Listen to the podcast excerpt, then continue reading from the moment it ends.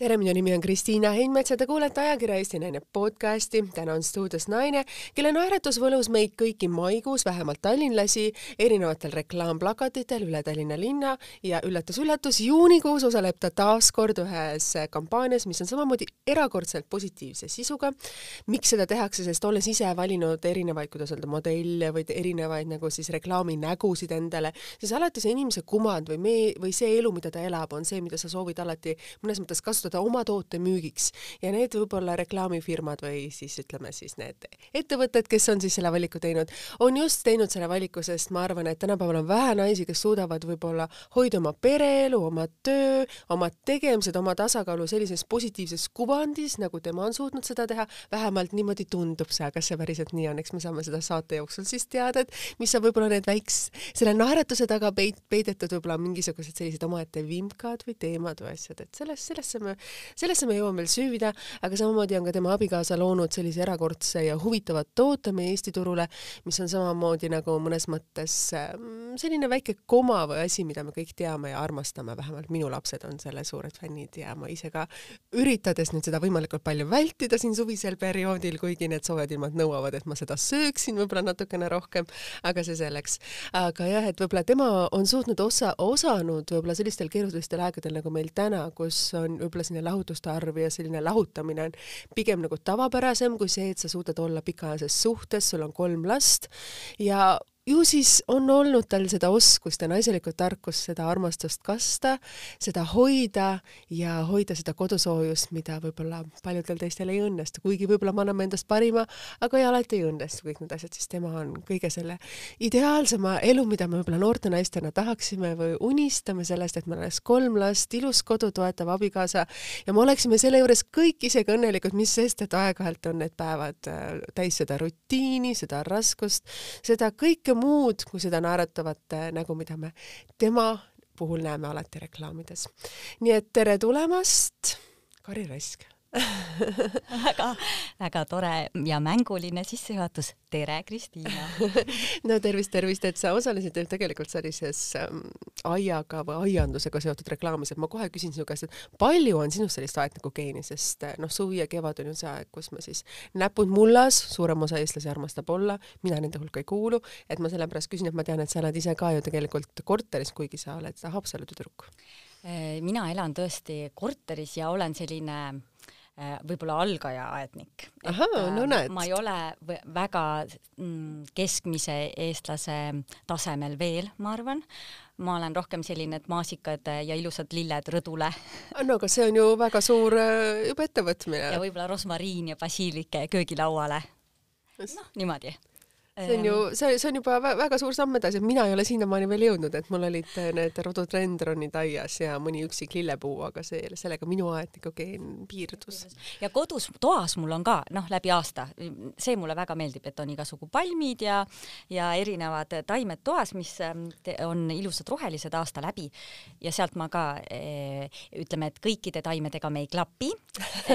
Osadega me klapime väga hästi, et me õpime niimoodi tundma ja ma arvan, sellised ähm, visamad hinged jäävad minu juures pikkadeks aastateks ellu ja mõned teised siis veel mitte, aga noh, ma arvan, et arenguruumi veel on sa oled osalenud tegelikult nende aastate jooksul väga paljudes nagu reklaamides ja mis on sulle endale nagu meelde jäänud, sest noh, tihtipeale see pilt või foto, mida seal kasutatakse, selle taga on ju tegelikult väga suur lugu omamoodi ja omamoodi selles mõttes story, et kuidas seda pildistati või kuidas seal tehti või mis oli see emotsioon, et on võib-olla nagu sellised äpardused või sellised era-, erilised hetked või sellised emotsioonid, mis on mõne reklaamiga meelde jäänud?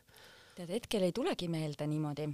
noh, äh, ma üldiselt valin reklaame äh, küll ikkagi nagu oma väärtushinnangute järgi, aga ma arvan, et ähm, et äh, nagu sa juba ennem siin ütlesid, et ega need brändid tõenäoliselt ka valivad mind ähm, oma väärtushinnangute järgi ja siis, kui mulle tundub, et meil klapib, siis ma olen teinud ähm, jah, et nüüd viimati siis Uuskasutuskeskusega ja siis mm -hmm. Ortesega sellel kevadel, et äh, mõlematel oli, on ju väga roheline ja ökoloogiline ja mm -hmm. selline maailma äh,, natukene nagu maailma päästev äh, ambitsioon, et siis äh, noh, mul tegelikult nende kummagi puhul ei olnud küsimust, et kas teha või mitte teha aga mis on see mõni reklaam, mis sul on endal meelde jäänud, sest sa oled osalenud tegelikult lugematul arvidel reklaame, reklaamides, et millegipärast oled sina sattunud nagu nendesse, kuidas öelda, valitatav, valitatavate ossa või, või keda on alati nagu valitud või eelistatud siis. sest noh, tihtipeale nendel on ju casting ud, on erinevad ju nagu nimed laual ja siis, kes nagu valitakse.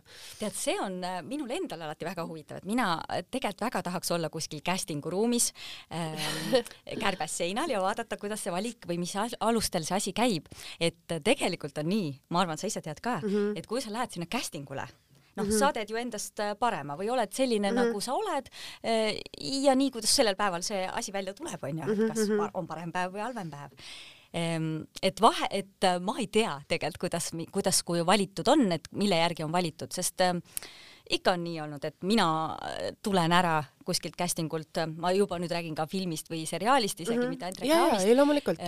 sellise tundega, et oh jess, nagu hull klapp oli kõigiga ja nii tore oli. ja siis ma pärast olen siuke mm, et ei saanud rolli. nagu üldse ja vastupidi ka, et kui ma käin kusagil ja mulle tundub, no okei okay,, täna läks täitsa pekki, noh, sellega lähme edasi, elu on elu ja siin ei ole midagi ja ja siis järsku on, et sina, siis mul on, mõh, okei okay noh, et ja siis vot sellepärast tundukski, et ma tahaks olla seal casting'u ruumis, et äh, kuulata, et mille järgi nad nüüd äh, nagu valisid, kui mulle endale tundus, et pahasti läks või vastupidi, et eh, miks ma siis välja jäin, kui ma nii hirmsasti siin särasin ja nii tubli olin mhm, enda mhm. meelest onju, et noh kuidas sa oled sellega nagu aastate jooksul äh, kohanenud, et ikkagi mõnes mõttes äh, sa pead ju kogu aeg olema selles mõttes äh, no, nagu jooksu, kuidas öelda siis nagu selles jooksustardis ja sa kunagi ei tea, kas sa saad sinna starti edasi joosta või sa ei saa sinna starti, et ja see ei sõltu ju tihti sinust, et nagu sa just ütlesid hetk tagasi, et sa annad endast parima, sa ei tea, mida see, mida see otsus on, et et samas aeg-ajalt, kui mingi asi ebaõnnestub, et see on ju sulle endale ka väike selline nuga või okas hinge mõnes mõttes, et kuidas oled sa sellega aastate jooksul ära harjunud, sest noh, näitlejana näitlejana, see on ju tihtipeale on see need casting ud, see ongi osa su tööst. E, jaa, mm, tead, mul on niimoodi, et äh, ma juba päris varases äh, nooruses äh, mm, otsustasin mängude puhul, mulle hästi meeldib mängida, igasuguseid mm -hmm. mänge, lauamänge mm, -hmm. spordimänge, mitte et mul nüüd hea, hea oleks, ma spordis ei ole üldse hea, aga mulle väga meeldib mängida. E, ja ma kuidagi, ma mäletan juba lapsepõlves, ma otsustasin nii, kui ma võidan, siis ma olen ülimalt rõõmus ja väga naudin. ja kui ma kaotan, siis ma olen siuke hm, mäng, see on ainult mäng ja ma olen püüdnud seda tuua vaata sinna casting usse samamoodi mm, -hmm. sest et äh, näitlejaameti puhul mulle tegelikult kõige rohkem meeldibki mäng, et kui ma saan äh, mängida, noh, kui kõik üle, see on tihti ei juhtu, vahel juhtub ähm,, siis niimoodi vabalt, et ma tunnen ja naudin seda et see ongi ju tegelikult see, mis mulle meeldib ja sellepärast ma üritan võtta neid casting uid või selliseid asju ka kui mängu. tore, kui võitsin, noh, natuke kurb, kui ei võitnud, aga elu läheb edasi. iga kord see ei õnnestu muidugi, aga ütleme, et see on nagu mu selline ideaal või noh, et enamasti ikkagi õnnestub, mis ei tähenda, et ma korraks ei või kurb olla ja siuke mm, kas sa oled musitaja tüüp, et kui sa ma praegu istud siin, siis sa oled nii emotsionaalne siit näost ja see mm,, et see on nagu, nagu ma ei ole üldse mossitaja ja ma ei ole üldse tujukas. ehk selline asi, kui keegi on tujukas, on minu jaoks hästi huvitav, et kui keegi teine inimene on tujukas, siis ma, ma ei, üldse ei mõista seda, ma ei, minu, minuga ta kuidagi üldse ei assotsieeru. Ja ma ei saa sellest nagu tegelikult üldse aru, et kuidas kellelgi võib olla nagu paha tuju siis mi minu vastus on see, et mm, äkki sul on kõht tühi, äkki sa peaksid magama see emalike instinkt. tead, see toimub minu puhul ka mm,. laste puhul on ju, kindlasti mm, sa tead. loomulikult. ja minu puhul samamoodi. kui ma hakkan vaatama, et ma olen veits närviline, siis mulle tundub, et okei okay, mm, -hmm, millal ma viimati sõin äh, või et palju ma maganud olen mm. -hmm. ja, ja no minu puhul see nagu nii ongi ja siis ikka ju võtad, et teiste puhul peaks ju samamoodi olema mm. -hmm kui sa rääkisid, et sinus ei ole seda tujukust, et kuidas sa hoiad ennast nagu tasakaalus või positiivne, positiivsena, sest ikkagi noh, kolm last kõigi nende tegemiste kõrval sul, et sul ei ole ju lihtne tegelikult. Eh, no tead, ma olen äh, natuurilt äh, harmoonia otsija. Mm, eh, ja olen läbi elu olnudki või see ongi see minu põhiomadus, ehk et äh, ma olen natuke nagu kollikoer, et kui lambad jooksevad vasakule, siis mina jooksen vasakule, ajan lambad, proovin lambaid keskemale ajada, lambad panevad paremale, ma panen järgi. ja nii nagu minu elu ongi, ehk natuke nagu kaalukaussidel ehm, ma nagu äh, hästi äh, ise tunnetan mingisugust iseendale teadaolevat keset ja nii kui hakkab natukene kaldu minema, siis ma püüan seda kohe ära balansseerida ja millal... ma arvan, et minu puhul see vaata toimibki, inimesed on ju nii erinevad. millal sa jõudsid nagu selle tõdemuse või arusaamani, et noh, teinekord meil naistena läheb ikka väga pikalt, enne kui sa saad aru, et et kui need emotsioonid jooksevad sul kokku, kõik need situatsioonid, kõik elulised hetked on sul koos ja siis alles hakkad mõtlema ju tegelikult, et kuidas ma seda lahendan. ja esimene asi, mida öeldakse, et alusta iseendast, aga noh, sina räägid nagu see oleks juba, selle, kuidas öelda, geeniga sisse kodeeritud tead, ma ei tea, aga vist nagu päris vara, sest ma mäletan sellist asja nagu meie lavaka lõpusaade oli ja kõik äh, teised rääkisid seal, et teater ja kunst ja see on minu elu. Ja mina rääkisin seal, et, et minu jaoks on tähtis harmoonia, mul peab olema kõik võrdses tasakaalus, teater on üks komponent nendest, äh, pere on ka tähtis, sõbrad on ka tähtsad, kunagi mul tulevad lapsed, noh, umbes nii, ma ei mäleta täpselt, see oli ju nii ammu onju. -hmm. ja ma mäletan seda, et kui mina lõpetasin oma intervjuu, siis äh, mingid inimesed, kas režissöörid või keegi kusagilt tuletaksid põlema onju mm -hmm. ja mhm. tulid kusagilt mingid inimesed ja ütlesid, oota seda tüdrukut me tahame nüüd küll näha. ja mul oli nagu siuke, okei okay,, et mis ma nüüd siis nagu ütlesin või tegin, ma ehmatasin tegelikult no ära, sest mulle tundus, et ma rääkisin mingit hästi tavalist juttu, aga ma ei teadnud ju, mida teised räägivad mm. -hmm. pärast saates ma sain aru, et okei okay,, minu jutt erines teiste jutust, jah äh, aga praegu ma jään tegelikult oma sõnade taha. Äh, et see, mis ma selles saates rääkisin, tegelikult äh, on ka minu tänase mina ähm, sinu nagu, elu vundament. jah, vundament vist jah, noh, ja see ei tähenda, et vahepeal ei lähe midagi untsu või tasakaalust välja, aga mul on nagu mingi asi sees, mis mind püüab siia keskele tagasi nagu magnetiga tõmmata või kuidagi äh, nagu ma, ma ei oska seda muud moodi kirjeldada tegelikult. see on ju erakordselt hea omadus, kui see oli sul juba noorena, sest ilmselgelt noore lõpetajana, lavakunstikateedri lõpetajana on iga noore tudengi unistus saada suureks näitlejaks, suured filmirollid ja kui sina räägid ilmselgelt sellisest tasakaalust ja sellest, siis see nagu ei tundu nagu loogiline. no tead, aga vaata, võib-olla kui vaadata minu teisi kursakaaslasi, siis mul ei olegi olnud nii suuri võib-olla filmirolle või noh, on olnud, mul on väga toredaid rolle olnud, millega ma olen väga rahul olnud, aga ma olen natuke ikkagi nagu olengi teisel rajal kogu aeg ma olin esimene, kes jäi vabakutseliseks minu kursuselt, üldse meie põlvkonnast peaaegu äh, olid väga vähesed vabakutselised, tollel hetkel ei jäädud, vaata praegu on hästi tavaline hästi paljud on. sa, aga sa jäid ju tegelikult ju kuus aastat tagasi. ma et... jäin tegelikult vabakutseliseks seitse aastat tagasi äh,. isegi rohkem, oota, las ma mõtlen. Natali sündis kaks tuhat üheksa ja ma ei läinud teatrisse tagasi mm, tähendab kaks tuhat üksteist või kaksteist, jah, sul on õigus, kaheksa-üheksa aastat tagasi mm. -hmm aga vaata, aeg on kuidagi ikkagi edasi läinud, kaheksa-üheksa tundub on, mitte midagi. on ikkagi väga suur osa elust ju. jah, no vot, et ühesõnaga, et et va-, et ma olen olnud küll kurb sellepärast, et kus need minu suured filmirollid ja asjad on ja, ja kas ei oleks ikka parem olla kuskil teatris palgal ja ikkagi turvaline ja nii ja olen ikka mõelnud niisuguseid mõtteid. aga kui ma nagu mõtlen iseenda elu peale, siis mulle tundub, et tegelikult kõik asjad on olnud millegi jaoks head mis sellel hetkel võib-olla ei ole tundunud head, on tundunud halvad.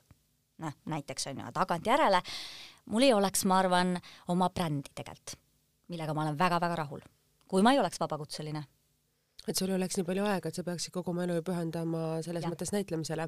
aga kerime nüüd, kuidas öelda, selle lindi tagasi ja hakkame alguses siis pihta, hakkame sinu lugu jutustama siis alguses pihta, meil juba kõik teemad olid siin mõnes ühes, mõnes, mõnes minutis nagu sees, et sa oled ju tegelikult Haapsalu tüdruk ja mm -hmm. kasvanud üles sellises mõnes mõttes idüllilises imeiluses linnas, mida me täna vaatame kõik seriaalis Pilvede all mm. -hmm. nii et äh, selles mõttes Haapsalu on meie kõikide Eesti, eestimaalaste hinge nagu selliselt äh, nagu teistmoodi jõudnud ja on ka teisi väga palju teisi tuntud näitlejaid ju Haapsalus, Telle Kull mm. -hmm -hmm. Sepo Seeman.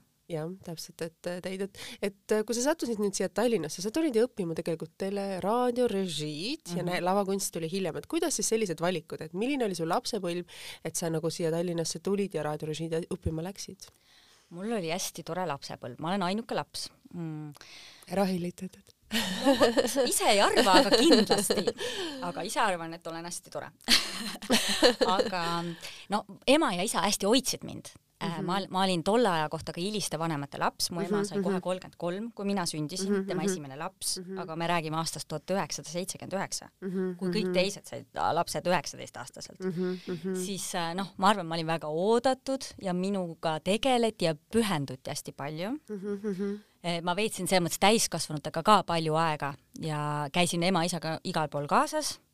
Ähm, noh, üldiselt ma mäletan seda, et ähm, Äh, ükstapuha, mis Haapsalus toimus, äh, kas oli kirikus mingi kirikumuusika, laulis la seal Lossi platsil Koit Toome, tuli mingi ähm, kunstinäitus Kultuurimajja, äh, ühesõnaga kõikides asjades me käisime. Ja vaat mulle tundub, et see oli hästi hea ja võib-olla just väikelinnale omane, ehk mis iganes linna tuli, sinna me läksime. Ja see andis minule niimoodi kultuuri äh, tausta mõttes äh, väga mitmekülgse tausta ettevalmistus on mõnes mõttes su tulevikuks elu, tulevaseks eluks. et Tallinnas tõenäoliselt äh, on sul palju rohkem võimalusi ja noh, tänapäeval me üldse ei räägi, äh, teha valikuid juba enda maitsest lähtudes ja suunata oma lapsed nii-öelda tegelikult ainult ühte voolu. aga minu vanemad äh, andsid mulle tegelikult noh, alates komöödiast, draamast, klassikalisest muusikast, popmuusikast, kino, mis iganes film oli, kui Kultuurimajas oli kino, siis selge, me läksime, ükskõik mis film oli noh, ja ma töllerdasin selles mõttes igasugu mingitel valli, kui me juba Pärnus olime suviti, siis vallikraavi mingitel igasugustel pidudel vanaema-isaga kaasas, et ma käisin nagu igal pool ja nägin äh, selles mõttes nagu elu ja ma mäletan äh, seda, et kõik oli nagu hästi põnev ja et kõike nagu tõmbad endasse ja siis tegelikult sünteesid onju. laps teeb seda jah. jah ja, ja mulle tundub, et see nii mitmekülgne mm, taust on üks asi, mis äh, on, mille üle ma olen hästi õnnelik.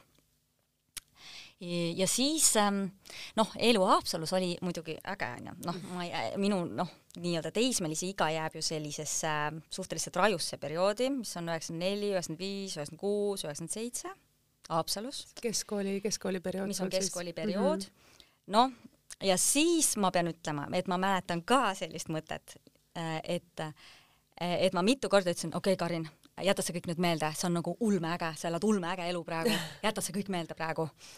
Ähm, noh, pidusid oli palju loomulikult oli onju. sa olid suur bioloog, kas võib niimoodi öelda? ma olin jah. noh, jälle vaata, me räägime väikelinnast, kus tegelikult oli mingi üks suur-suur ühtne seltskond mm, -hmm. kus siis oli väga palju erinevaid gruppe mm, -hmm. erinevaid ma ei tea, kuidagi nagu muusikastiilide järgi käis see tõenäoliselt ja mingite muude sõpruskonna asjade järgi mm. -hmm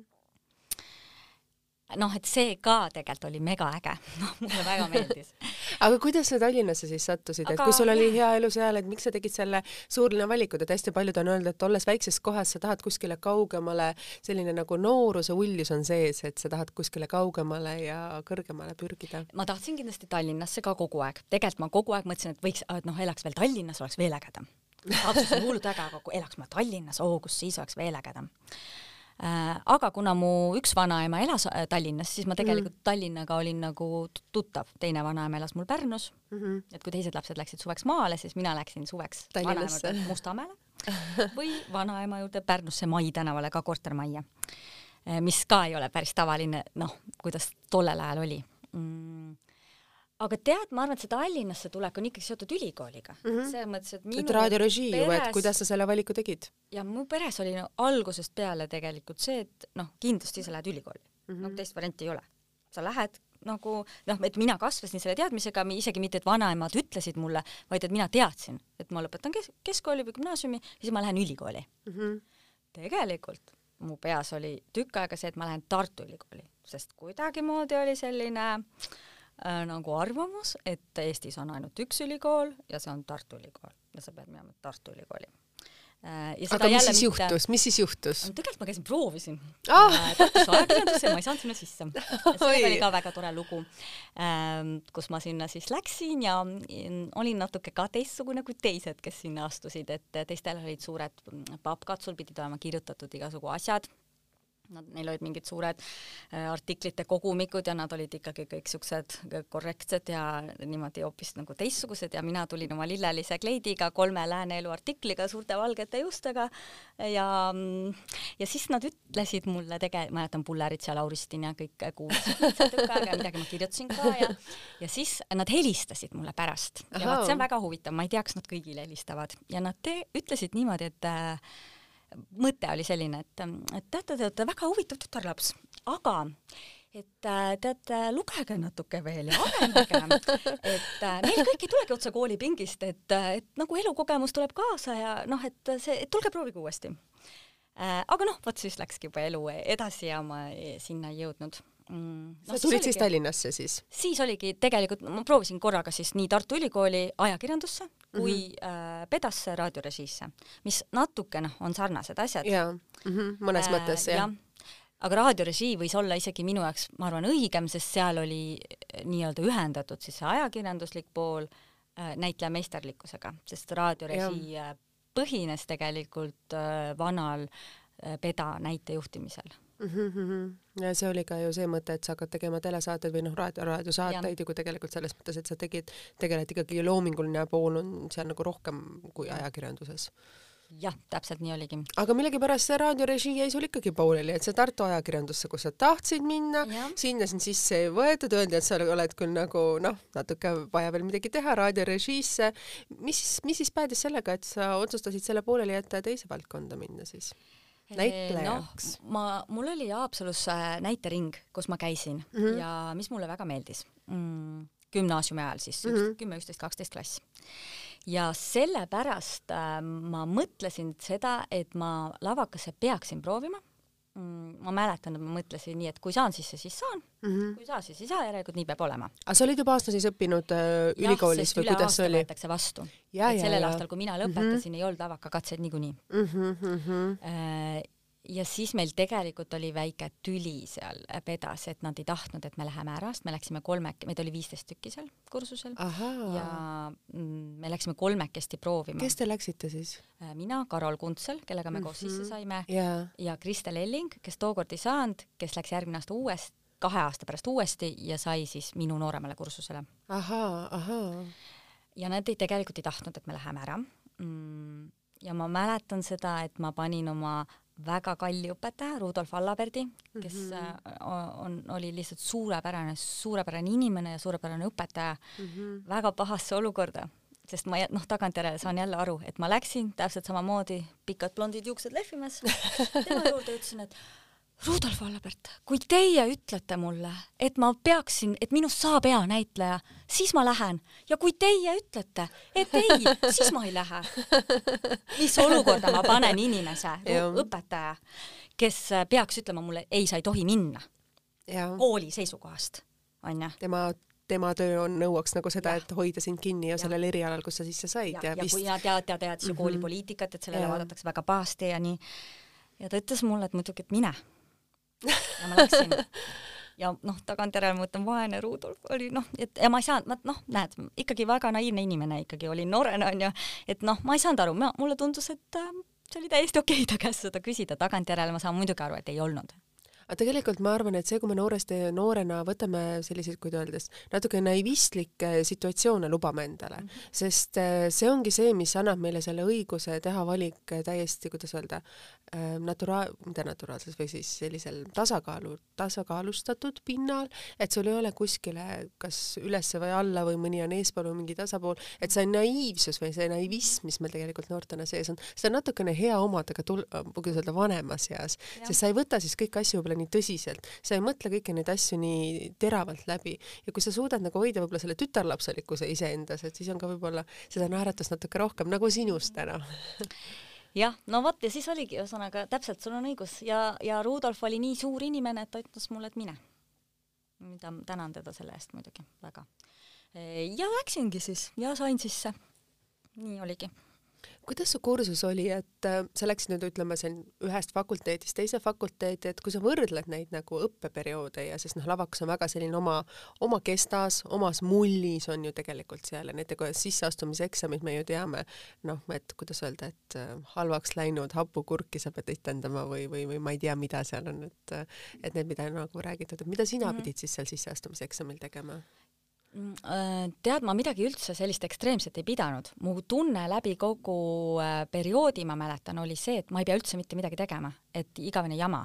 noh, kogu aeg ma arvasin seda, et ma ei saa sisse või nad üldse, et mina üldse ei huvita neid mm. -hmm. aga kuidagi mingi ime läbi ma liikusin nagu edasi mm. -hmm. et ma mhm, hästi mm -hmm. vähe ma mäletan, mingit nukku pidin mängima kuskil ja noh, kindlasti, mingit trepietüüd oli, aga see oli kõigil ja no mingi baarisetüüd kellegagi noh, üldiselt on nii, et, et see on nii intensiivne aeg, see mm -hmm. eksamite mhm. aeg, see küll kestab ju viis-kuus päeva.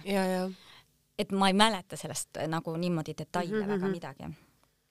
Äh, aga kui võrrelda neid kahte kooli, mm, siis äh, Nad on mõlemad olid minu, noh, selles mõttes Tallinna Ülikooli osad, jah mm? -hmm. ei, ei, Peda on EMTA osa ehk Eesti Muusikaakadeemia oh, või vabandust, äh, mhm. Lavakas on EMTA osa ja, ja, ja, ja mm -hmm. raadiorežii oli siis Tallinna Ülikooli osa. mina eksisin mm. -hmm. et aga nad olid mõlemad sellised omas mullis, et meie olime ka laia, äh, selle raadiorežiiga Laia tänava eraldi majas, seal oli kultuuriosakond tollel ajal mm, -hmm. seda mhm. enam ei ole minu arust, üldse seda majas, ma arvan, ei ole midagi et me olime ka täiesti eraldi mm -hmm. ja mhm. ka need tunnid olid samamoodi nagu lavakas, et hommikul lähed kooli mm, -hmm. üheksa vist hakkasid tunnid ja minu arust üheksa õhtul me tulime sealt ära mm -hmm. ja hästi ka oma, ainult oma kursaga suhtled samamoodi mm, -hmm. väga sarnane lavakale.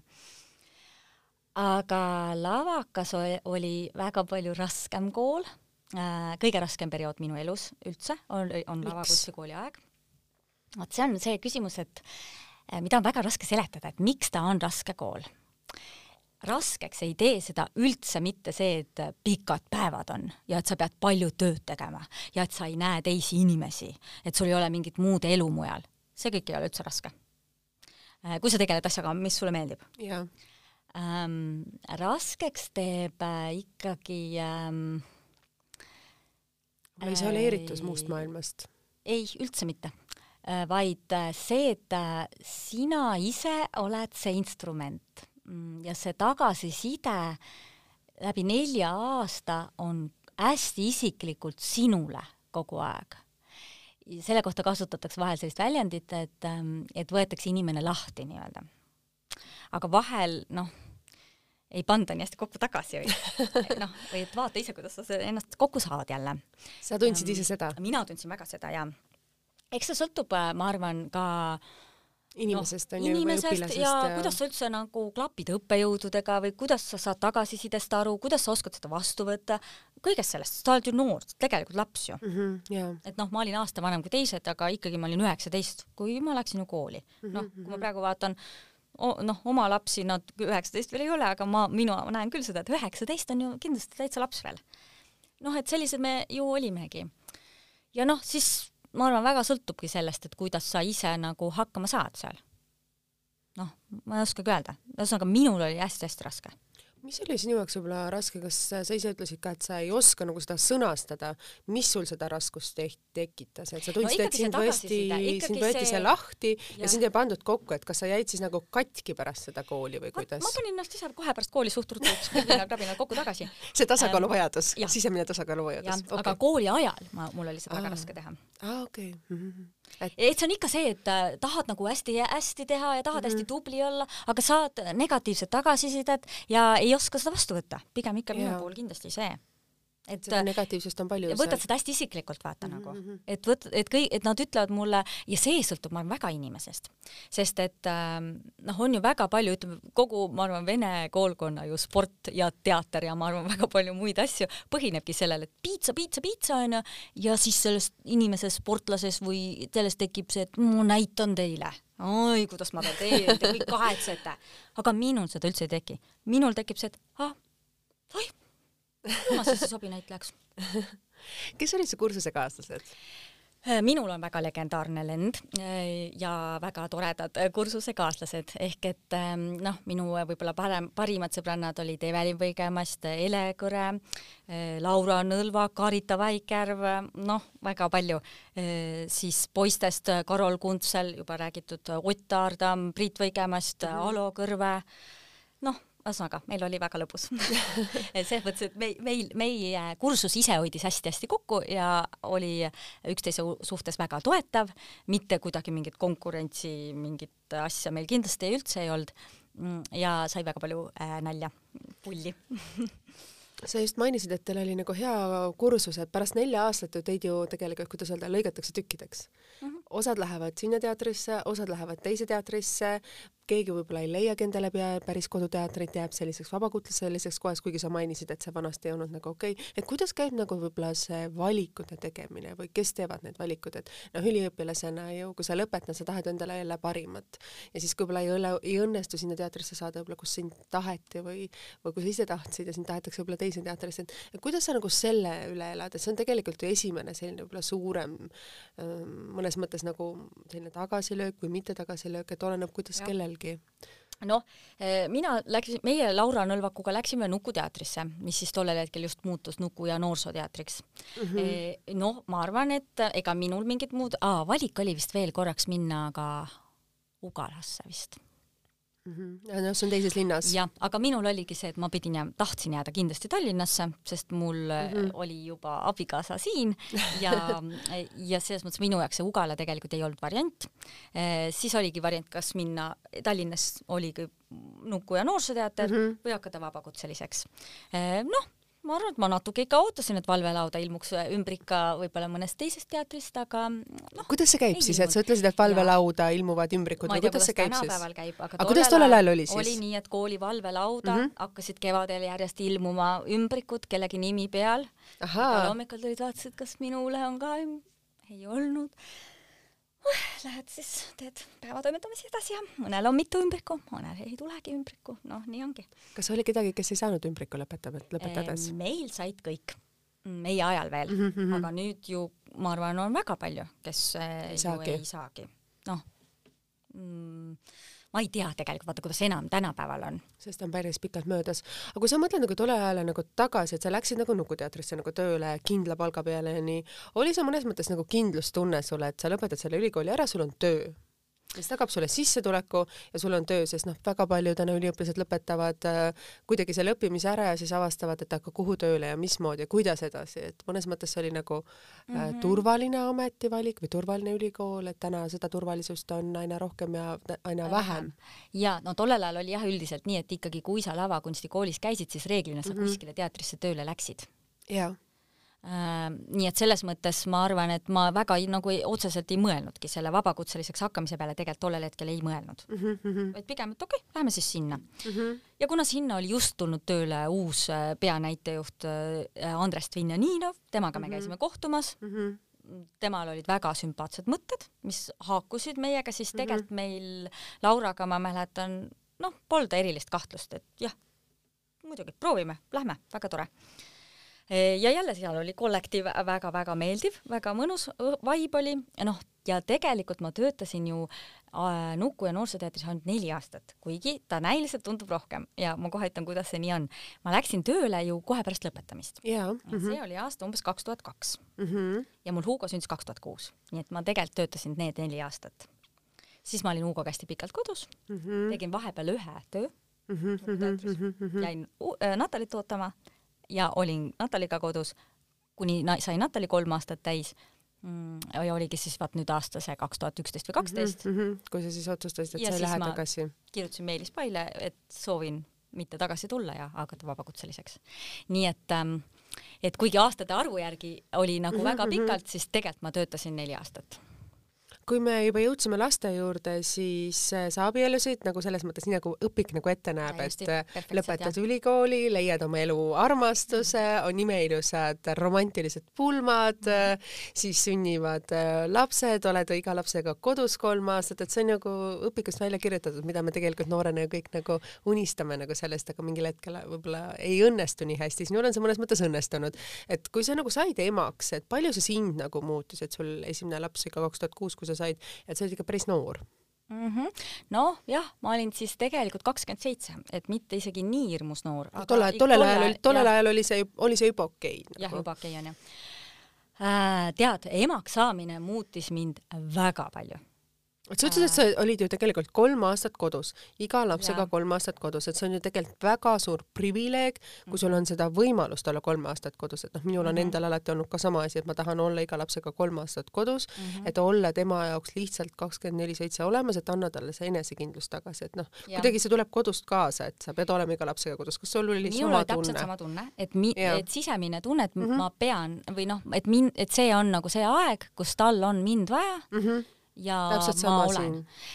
aga ma arvan, et noh, nüüd äh, minul, minu ameti puhul ja tegelikult siis mõlema ameti puhul, sellel hetkel mul veel brändi polnud, onju mm, -hmm, aga ütleme mhm. näitlejaameti puhul on see väga pikk aeg. privileeg, ei tegelikult pikk aeg ka, aga see privileeg, et ma saan olla kodus, tehes ikkagi mingeid väikseid sutse. selles mõttes küll, jaa. et mm -hmm. ma ei ole nagu tundnud seda, et appi, ma olen siin kodus, rong läheb ära, kõik teised teevad midagi, täitsa hull lugu.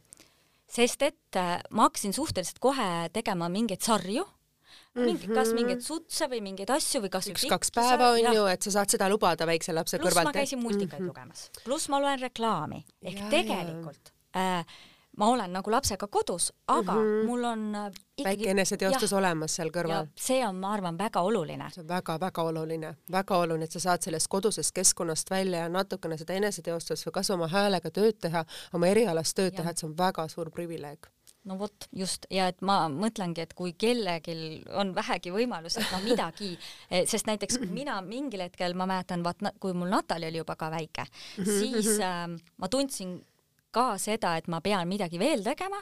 Äh, ja ma arvan, et ju siis minul mingeid näitleja asju polnud sellel hetkel mhm, pakkumisi mm -hmm. väga, äh, siis äh, ma võtsin lapsehoidja, maksin lapsehoidjale, läksin ise vabatahtlikuna Uuskasutuskeskusesse asju sorteerima, onju, noh, tasuta onju ehk just selleks, et ma teen midagi muud, onju. ma rakendan ennast kuskil mujal, olen vajalik ja teen tegelikult tööd, onju et see tegelikult naisena tunda ennast vajalik, et sa oled kellegi jaoks vajalik ja mitte peale oma abikaasa ja oma ja. laste, vaid ka kellegi teise jaoks, et sul on nagu täiesti käed-jalad otsas, et sa oled mõtlev inimene, et see on hästi oluline, et me naistena väga palju kaotame ennast just nendel hetkedel ära ju. jah, no minu jaoks ma arvan, ta lähebki jälle natuke selle harmoonia asjaga mm, -hmm. et mhm. ma ei saa vajuda nagu või liikuda väga ühte suunda ära mm, -hmm. ma, mhm. ma pean nagu olema seal oma kesk, keseme ümber ja siis äh, noh kui mul ei ole erialast tööd, siis ma leiutan iseendale töö, mingi asi või midagi, mida ma teen ja laen sellega oma patareisid tegelikult mm -hmm. ja tulen koju ja olen palju parem ema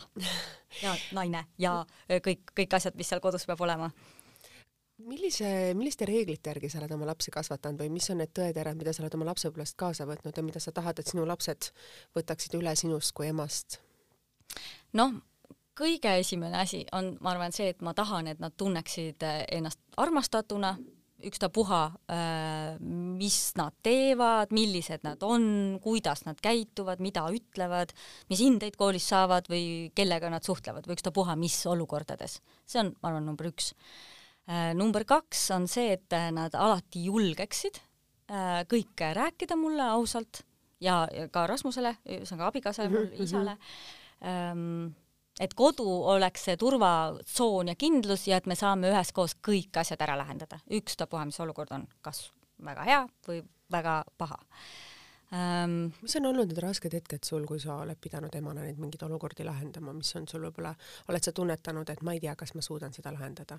no ma arvan, meil on olnud üks selline keeruline situatsioon mm,, äh, kus ähm, äh, minult äh, mingil hetkel ma avastasin, et minult on äh, mingid minu asjad äh, kadunud. ja neid ei olnud mitte kusagil. ja siis äh, mis asjad need olid siis? no tegelikult oli see raha Ah, natukene okei, raha okei. kadus Mhm. ära Mhm. ja alguses ma ei saanud aru, ma mõtlesin, ma ise olen kuskile pannud või pole märganud või olen ära unustanud või Mhm, midagi mhm. ostnud ja ja siis nagu mingil hetkel vaatasin, et et ikkagi vist ei, ei ole seda ja siis ma tegelikult ei uskunud ja see oli mul hästi suur löök. ma olin väga täiesti tegelikult šokis natuke aega. ja siis me mõtlesime hästi-hästi põhjalikult abikaasaga läbi, et kuidas me seda olukorda nüüd lahendame. ja me lahendasime selle võib-olla niimoodi, et ähm, et ma äh, tegin äh, ühe päeva, kus äh, see laps ei läinud kooli, ütlesin hommikul, tõus-, tõusin hommikul üles ja ütlesin, et äh, tead, täna sa kooli ei lähe äh,. jätsin ta koju mm, -hmm. mis, et, et tal oleks äh, nagu mingi eriolukord mm, -hmm. et ta näeks, niisugust asja ei ole kunagi, onju. jaa, me üldjuhul ei luba lastel koju jääda. jah, ja siis me käisime, jalutasime väga pikalt ja väga pikalt rääkisime, aga noh, ja ma lõin hästi noh, usal-, püüdsin luua hästi usalduslikku õhkkonda ja et ta ise mulle räägiks, mis oli väga-väga raske väga,, väga-väga keeruline mm -hmm. ja tegelikult võttis aega mitu päeva mitu,, mitu-mitu päeva mm. -hmm. ja siis äh, ma tahtsin nagu nii detailidesse minna kui vähegi võimalik, aga ma arvan, päris sada protsenti lõpuni detailidesse me ei, ei läinudki, aga me saime ühesõnaga selle nagu välja, et jah, nii on juhtunud tõesti mm. -hmm ja siis äh, me püüdsime koos aru saada, et miks see nii on juhtunud mm. -hmm. ja siis äh, me nutsime väga palju koos.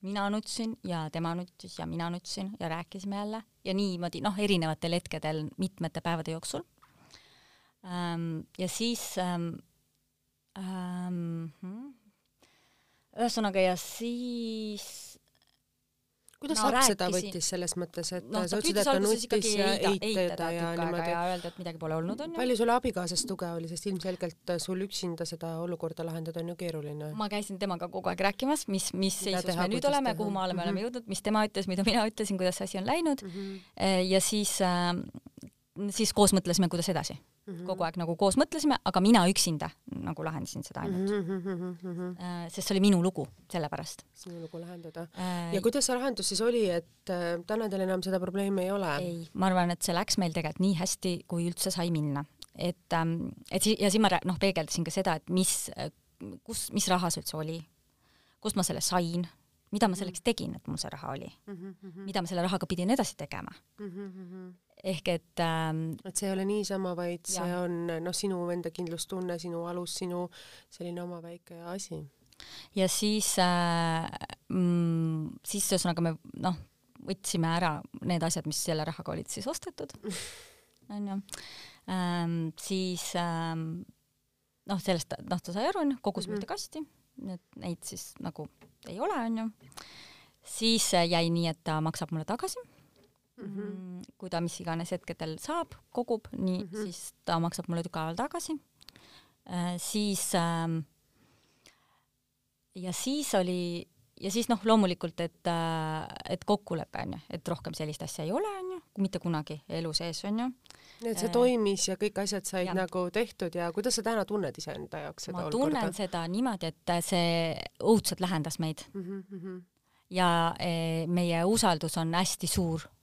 Ja ma arvan, ta sai sellest väga suure elu õppetunni Mm -hmm. mina mm -hmm. nagu tegelikult ka või noh, see oli mulle väga suur mm. -hmm. pauk, et niisugune asi üldse võib juhtuda jaa, loomulikult.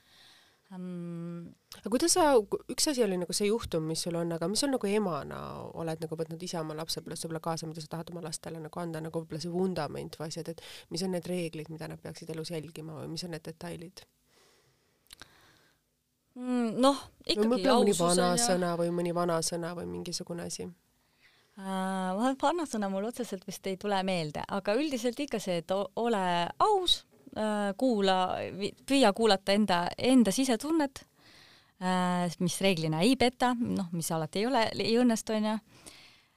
siis äh, noh, ole hooliv, ole empaatiline, püüa lahendada olukordi, ära jää kurvastama, kui midagi läheb pahasti, siis püüame leida lahenduse sellele. Mm kurb ei, kurb võib ikka olla, muidugi mitte seda, et kurvastada ei tohi, ikka oled kurb, aga noh, ma arvan, minu iseloom on see, et ma olen kurb ära siis ma hakkan tegutsema. ma võin olla kurb, muidugi. kui palju see on sinus emadust või sellist emalikkust ja kui palju on sinust sellist naise, naise rolli seal perekonnas ja kui palju on siis sul seda nagu tööalas seda, et kuidas sa nagu neid protsentuaalselt või kuidas sa neid nagu balansis hoiad? no ma püüan vaata neid ka balansis hoida, onju. et see on ju päris keeruline selles yeah. mõttes ikkagi, et te olete ju vaata kui pikalt koos olnud ka no, et leida aega no, kahekesi jah. on ju kõige raskem siin. kõige raskem. muul ajal ei olekski, kuna äh,, aga praegu, kui meil Stig on kahene ja on mm -hmm. olnud see koroonavärk ja ta ei käi ei kuskil hoius, ei ühegi hoidja juures ega mitte midagi, ehk me ainult oma perega haldame selle Stigi mm -hmm. hoidmise ära, noh, siis lähebki väga palju ressurssi lihtsalt selle peale, et äh, ajalist just. ajalist jah mm, -hmm. et kes nüüd täna Stigi hoiab, on ju, kellel on mis asjad teha. kes täna siis hoiab praegu jah, Rasmus ja noh, õnneks vaata, mul on need suuremad lapsed ju ka nii suured, onju suuremad lapsed on ka mul juba nii suured. Nad aitavad, nad on abilised? Nad on päris, me ei taha neid sundida, ehk et me mhm. ei taha, et, et see oleks töö nendele, on ju. et Stig mm -hmm. muutuks neile vastikuks mm. -hmm. et kogu aeg peab seda väikest venda hoidma mm, -hmm. vaid et ta oleks ikkagi tore ja temaga koos oleks tore mm, -hmm. siis äh, noh, üldiselt siiamaani enam-vähem on see õnnestunud, ma arvan. mis on need asjad, mida te perega koos teete või abikaasaga koos teete, et mis nagu ühendab teid? no ma arvan, me oleme hästi palju kodus, et äh, me oleme selles mõttes äh, kõige halvemad, ma arvan, oleme me e, võib-olla suhtlemises ja, ja niimoodi väljas käimises. Te olete siis introverdid? tead, äh, me noh, tegelikult ei ole üldse introverdid, aga ma arvan, et meie, me saame oma suhtlemise ära suheldud Tööl. tööga mm. -hmm. aga lapsed? ja lapsed suhtlevad, on erinevad, et mul Natali on hästi selline väga suhtleja, et tema, tema on äh, Ehm, mina ise ütlen ta kohta, ma lugesin kunagi eh, siukseid multikaid nagu Bonid ja seal oli siis Pinkie Pie, eh, kes oli peokorraldaja, et Natalja on vot peokorraldaja. Eh, temal on alati see, et nii need asjad, need kaunistused, need inimesed, siuke pidu, siuke programm, noh, ja see on nagu hästi tihedalt, tihti, tihti, tihti. ja ma arvan, et see on väga tore ja siis ma lasengi tal toimetada ja, ja väga-väga hästi ta organiseerib pidusid meil. kas sa tahaks, et su lasteks, lastest saaksid näitlejad, kas sa soovitaksid seda ametit neile? see on väga raske amet, mul on väga väga raske soovitada seda eh, muidugi, kui neis on see tahtmine ja kirg, siis mina kindlasti toetan mm, -hmm. aga mina kindlasti ei, ei soovita sunni ja ei, ja ei soovita väga või mm -hmm. ei, mhm. aga ei, mis tegelikult ikka, kui on kuskil mingi casting või on kutsutud neid kuhugi, siis äh, nad on käinud ja ma arvan, et kogemusena on see kindlasti väga hea, nad on käinud lugemas asju peale või multikaid peale või mingites sarjades mängimas, siis ma arvan, et see on väga tore sa said ise ju avalikkuse ees tuntuks mõnes mõttes äh, sellise seriaaliga nagu Kodu keset linna, kus sa mängisid sellist ähm, äh, no ja nagu sellist, kuidas öelda, natuke teistmoodi, nagu sa ütlesid ka ise, et sa olid Lauresna võib-olla teistmoodi natuke selline, selline ma olin seal selline jah, mm. nagu või kuida-, kuidas seda sõnastada nüüd nagu ilusti, et ei, tore karakter oli see, sellepärast et ta oligi, ta oli tegelikult ikkagi minu tolleaegsest Karinist ka ikkagi väga-väga erinev. no ta oli siuke ülbe ja selline ka nagu peomutt ja siuke natuke joodik vist ja kui ma ei eksi, minu arust võib-olla ka narkomaan. noh, ühesõnaga siuke, siuke tegelane tead, väga tore või väga huvitav oli see, et äh, mingi perioodi, eriti kui ma olin noorem mm, -hmm mulle alati pakuti äh, tegelikult karakterroll, nii-öelda karakterrolle siis mm. -hmm, ehk et ma väga ei mäleta, et ma oleks mänginud nii-öelda äh, ilusat toredat tüdrukut üldse polnud. keda sa ise rääkisid, kes sa ise rääkisid, et sa see alati olid, et sa läksid selle õppejõu juurde, selle õppejõu ma juurde alati olin ise selline mm -hmm. jah, et ma mängisin alati tegelikult endast erinevat mis on ju, kui mõelda, mis saaks olla toredam, kui sa oled näitleja, onju mm. -hmm Äh, et see võib-olla jälle natuke muutus äh, sil-, sellest äh, hetkest, kui ma sain lapsed mm. -hmm. vaat siis hakkasid mulle millegipärast tulema teistsugused rollid Hortese reklaam ja Uuskasutuskeskuse reklaam. võib-olla jah, noh siis hakkasid tulema, no võib-olla noh, ühesõnaga ma pean, kui ma mõtlen oma sarjade peale, siis mul on olnud megaägedad rollid kõik mm. -hmm. mida sa ise mäletad, mis on võib-olla nendest ägeduselt kõige ägedam või? no mu lemmik on Varju tema sari mm, -hmm. siis äh... mis selle erilist oli sinu jaoks? Äh, no kogu sari äh, väga õnnestus minu arust, et see tervik tuli super hea äh,. minu roll oli väga huvitav, noh rääkimata sellest, et see oli peaosa, mis oli väga tore onju mm. -hmm. et vist ei olnud läbi kogu sarja praktiliselt ühtegi kaadrit, kus mind ei olnud mm. -hmm. noh, need võttepäevad, kogu see vibe äh, mulle väga-väga meeldis, rääkimata sellest, et mm, ma ei tea, et Eestis oleks olnud mõne teise sarjaga või filmiga sellist asja, et me tegime mitu kokkutulekut pärast et kõigile meeldis seda niivõrd väga teha. kes see režissöör oli? Ergo Kuld. Et me käisime veel Saaremaal, kus meil olid võttepaik, me selle poole trupiga või kogu trupiga mhm. käisime mm -hmm. veel hiljem Saaremaal ja ka ta-, ja ka Tallinnas oli meil veel kokkutulek ja noh, ühesõnaga ma ei tea, et sellist asja oleks äh, noh, et teist sellist asja oleks üldse olnud, ma ei ole kuulnud, et oleks kelgukoerad, kättemaksukontor. jaa, kelgukoerad mulle ka meeldis, noh, seal mul oli vä..., kättemaksukontoris mul on olnud ainult väga sutsud, seal ma pole suurt asja teinud. et Nukumaja oli teine sari, mis oli ka suur, mis mulle meeldis, äh, siis enne seda mulle meeldis Nurjatud tüdrukud, no ma arvan, et minu top olekski võib-olla, et Varjude maa, Nukumaja, Nurjatud tüdrukud. Äh,, siis ähm, aga kelgukoerad ka, miks mitte kuidas Kalamaja printsess tuli siis kõige selle virvarri juures, et sa tegid teleseriaali, sa lugesid multifilme, sa tegid reklaame, sul mhm. olid lapsed, siis see Kalamaja printsess tuli siis, kui su tütar vist oli väike? jah. noh, kuidas sa selleni jõudsid, selle looni? ka muidugi vist juba rääkinud, aga tead, ta oli tegelikult, kui päris ausalt öelda, siis oli nii, ma tahtsin hakata vabakutseliseks näitlejaks mm. -hmm. aga vabakutseline näitleja tähendab, et sa oled äh, töötu tegelikult. noh, sul võib minna nii, võib minna naa. ehk et see on väga äh, julge samm tundmatusse. risk, väga ja. suur risk, eriti kui sul on pere ja lapsed. palgalt ära ja ma hakkan vabakutseliseks. noh, mis siis on? ma tahtsin, et mul oleks mingi asi veel, millega ma tegelen, selleks, et ma ei istuks kodus ja ei ootaks, et telefon heliseb mm. -hmm.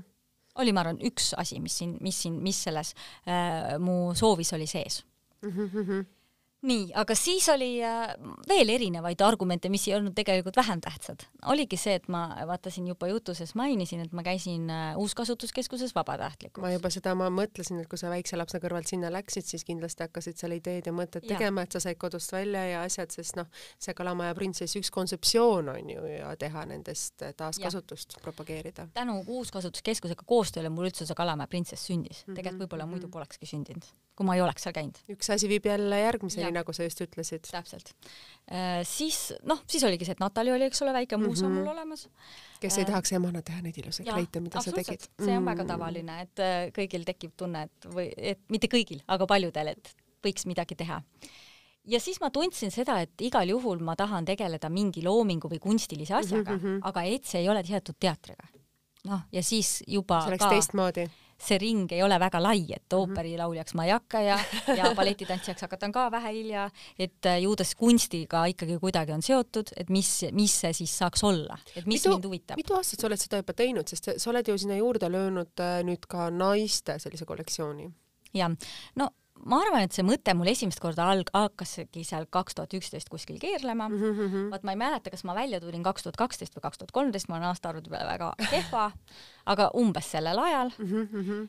siis suhteliselt kohe alguses hakkasime me tegelikult tegema ka naistele, aga ma ei tulnud sellega välja, sest jälle mul võttis see natuke peas aega, et ma, mul on ju lasteriiete bränd, et kuidas ma seda naistele ka teen kuni ma järsku jõudsin aastal umbes kaks tuhat seitseteist või kuusteist mm, selleni, et äh, miks ma seda siis ei või välja öelda, ja tegin Kalamaja printsessi alt korraga nii naiste kui laste kollektsiooni.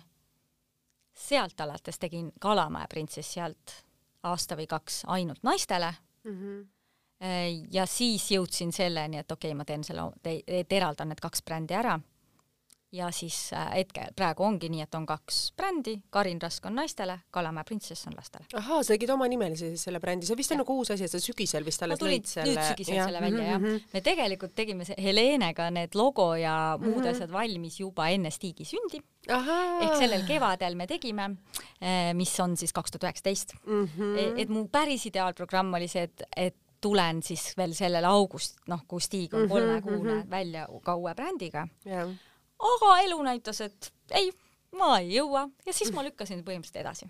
ja siis meil äh, tuli koroona ja asjad. kuidas sa oled koroonas nüüd hakkama saanud äh, nende brändidega ikkagi näitlejatööna, et näitlejatel oli ju väga keeruline, meeleolutajatel oli väga keeruline periood ja aeg? oli jah aga ma arvan, et minu elus sattus see koroonaaeg jällegi kõige paremale ajale, kus ta üldse sai sattuda. et mul stiig oli väike mm. -hmm. ma olen seda teiste käest ka kuulnud, kellel on väikesed beebid mm. -hmm.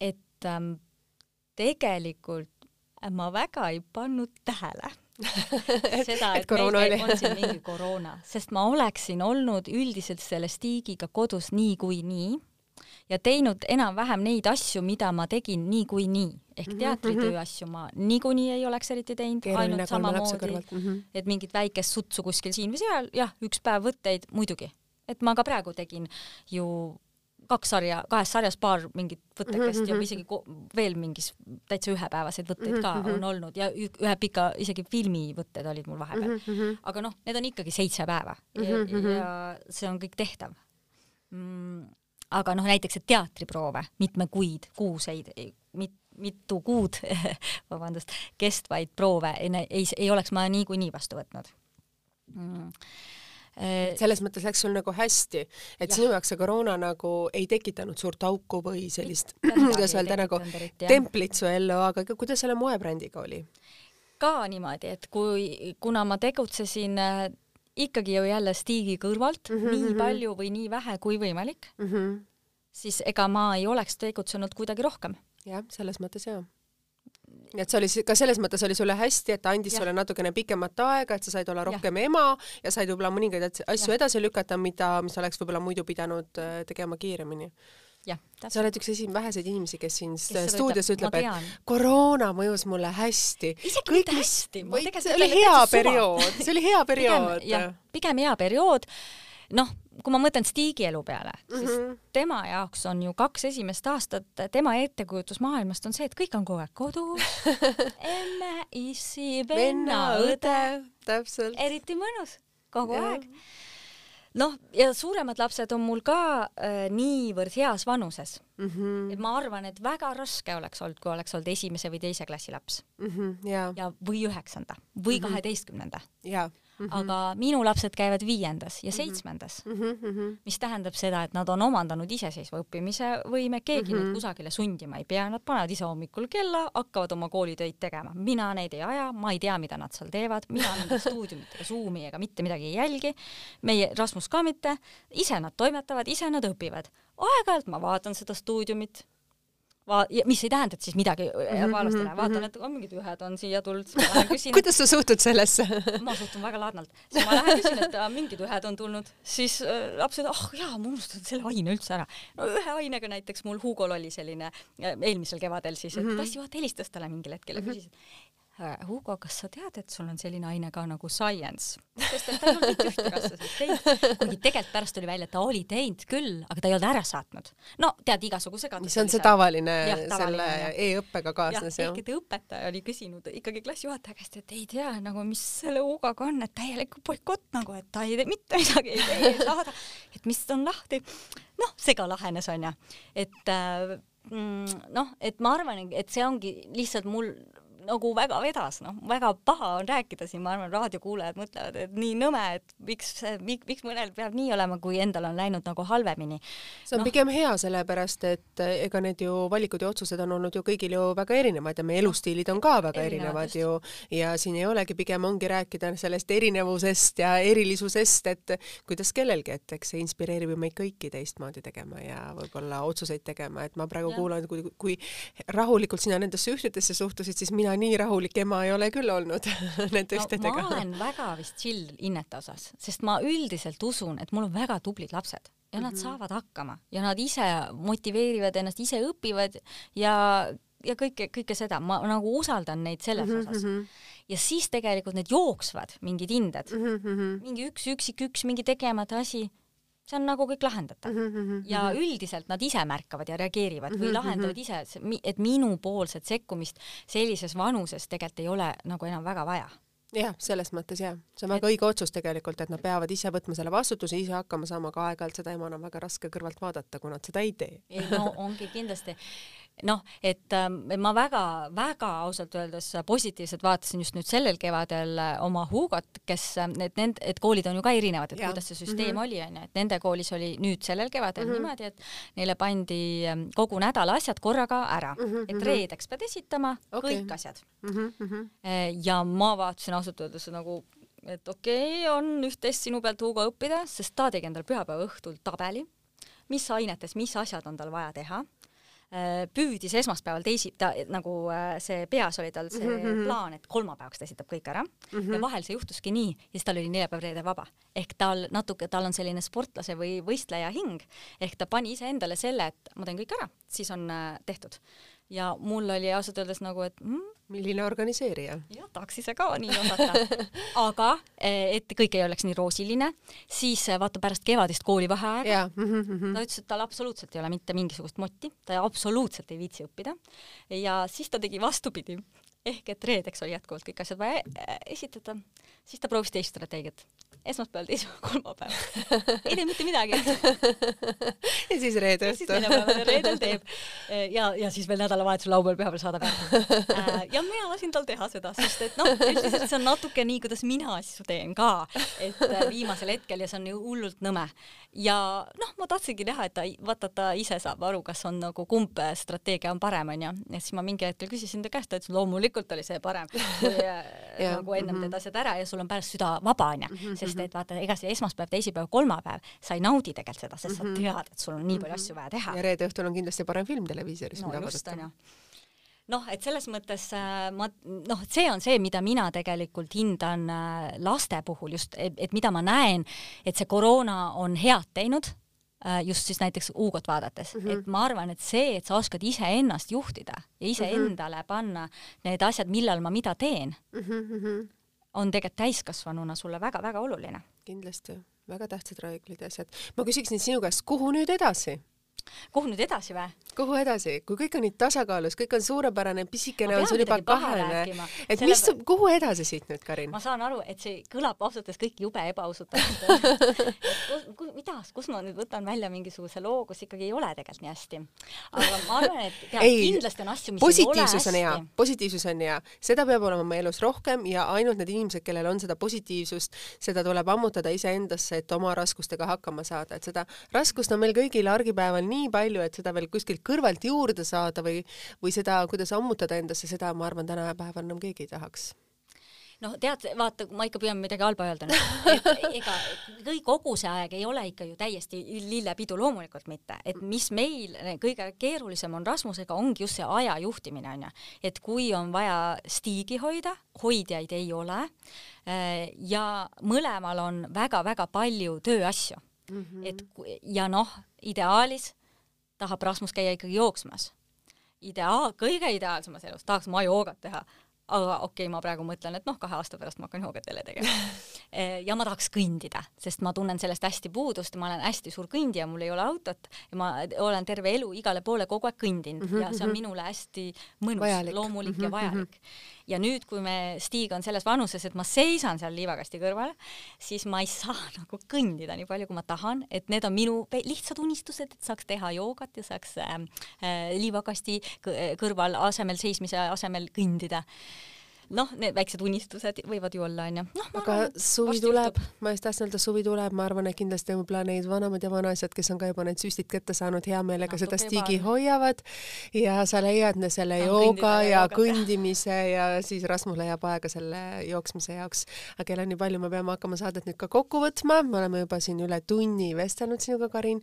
imearmsad positiivsed asjad, mida sa oled kõik rääkinud, et koroona on hea, mul on nii väikesed pisikesed unistused, see ongi tegelikult see, millele peame keskenduma, et see, mis on meil, see, mis meil on hästi, see, mis meil on käega katsutav, on tegelikult see, mis meid õnnelikuks ju tegelikult teebki. et unistada nagu suurelt küll võib, aga küsimus on see, et iga päev näha midagi head, midagi positiivsust ja seda endasse sisendada, endasse hoida, siis see toobki sulle õhtul ju naeratuse näole ja silma paneb särama jah, nõus, et mina olen siis õnnelik, kui ma äh, täna, kui ma saan mõelda, et tänane päev oli äh, tore või täna läks see ja see hästi. ja kui ei läinud, siis ma lähen magama ja mõtlen, et homme läheb nii et äh, kallid kuulajad, ümbritsege ennast positiivsusega, ümbritsege ennast positiivsete inimestega, osake näha igas halvas ka midagi head, sest äh, elu Seda... on selleks, et elada ja elu tuleb nautida seda halvas headnägemist ongi sellel hetkel väga raske teha, mina yeah. seda ka ei oska. aga noh, kui tagantjärele vaadata oma elu peale, siis noh, ma ütleks, et paljud asjad on olnud, mis sellel hetkel on tundunud halvad, on millegipärast olnud vajalikud et jõuda järgmisesse, teha järgmine samm, et jõuda edasi sinna, kus sa võib-olla tahaksid jõuda, suuremale ja kaugemale. jah ja aitäh teile, kuulajad, ajakiri Eesti Naine podcast nüüd lõpetab taas kord. me oleme kuulatavad nagu ikka SoundCloudis, Spotify's ja Delfi taskukeskkonnas ning loomulikult vaadake ja proovin teid ka kursis hoida suvel võib-olla rohkemate erinevate paikadega ja reisidega, kus ma siis lähen. nii et selle kuidas öelda siis, äh, podcastil on ka oma Instagrami lehekülg, nii et saate seal siis hoida kursis minu tegemistega, nii saatekülalistega koostöös kui ka võib-olla minu enda suviste plaanide kohta rohkem. aitäh teile, kallid kuulajad ja kohtume teiega juba nädala pärast. kaunist suve ja kaunist jaanipäeva!